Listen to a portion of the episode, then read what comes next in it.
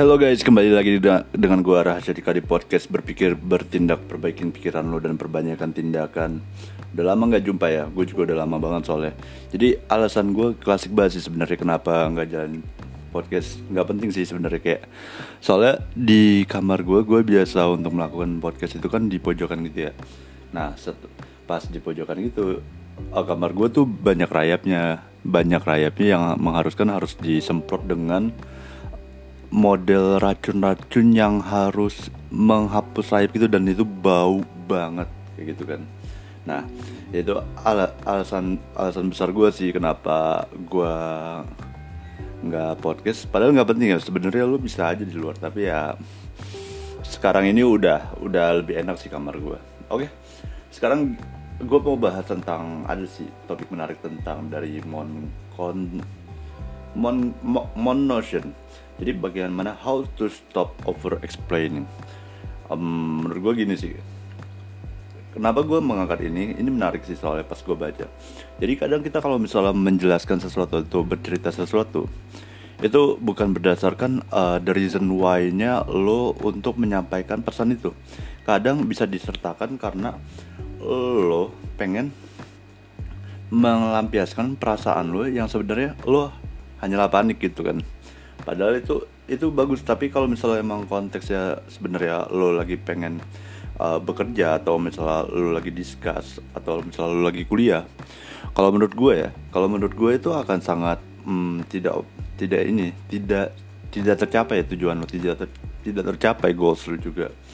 Di sini dibilang sih dari topik ya bahwa reflect on where over explaining comes from. Jadi kalau misalnya lo harus tahu dulu uh, dia datangnya dari mana, dia uh, penjelasan udah datang dari mana. Misalnya kayak hmm, contoh kenapa misalnya uh, tugas gua dijabarin pakai bab satu dengan teori ini kayak terus habis itu lo, lo harus lo harus tahu tuh teori itu datang dari dari si A dengan menjelaskan runtutannya kayak gini nggak perlu lo berbelit-belit bahwa oh iya ini datang dari A. Terus abis itu lo, jelasin lagi bahwa oh ya A itu adalah orang orang yang sebenarnya saya sudah rangkai sudah saya sudah melakukan hal ini banyak riset. Nggak perlu sampaikan poin pentingnya sih menurut gue terus lanjut identify what your triggers are. Jadi kalau misalnya ternyata mungkin kan uh, ini gue asumsinya kalau misalnya tanya pertanggungjawaban kayak gitu mungkin sama dosen lo ya hal paling simple ya. Jadi kenapa kau bisa pakai teori kayak gitu ya lo harus bisa mengidentifikasi itu sebenarnya. Lo karena cemas cemas cemas kan? Cemas karena lo lo merasa bahwa dosen itu menekan lo padahal tuh nggak sama sekali gitu kan? Ya nggak?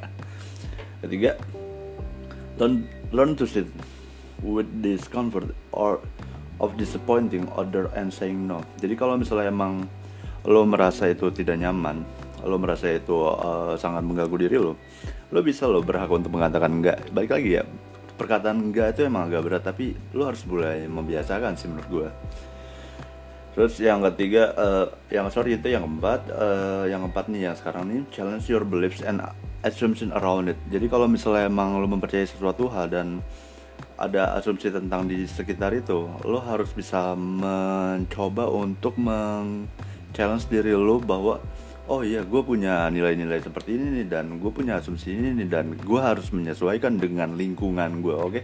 ingat ya bahwa lo di mana berpijak lo lo harus menghargai. Tapi balik lagi lo harus bisa mencoba menyesuaikan apa yang menjadi prinsip lo dengan prinsip lingkungan lo. Ini keberapa nih? Lima. Leave room for others to ask question. Ya berarti lo harus meninggalkan tempat itu dan bertanya akan sesuatu hal bahwa oh ini penting nggak atau enggak ini sangat bermanfaat nggak buat diri lo? Terakhir ask yourself am I explaining or am I doing it just so I can ease on uncomfortable feeling?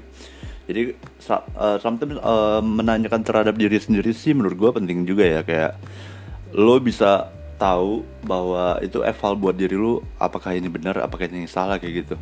Saat di mana lu merasa diri lu salah maka itu akan menjadi pembelajaran lu. Tapi saat di mana lu tidak mempertanyakan diri lu dan lu merasa benar nah itu yang akan sangat susah bro. Itu aja sekian dari gua.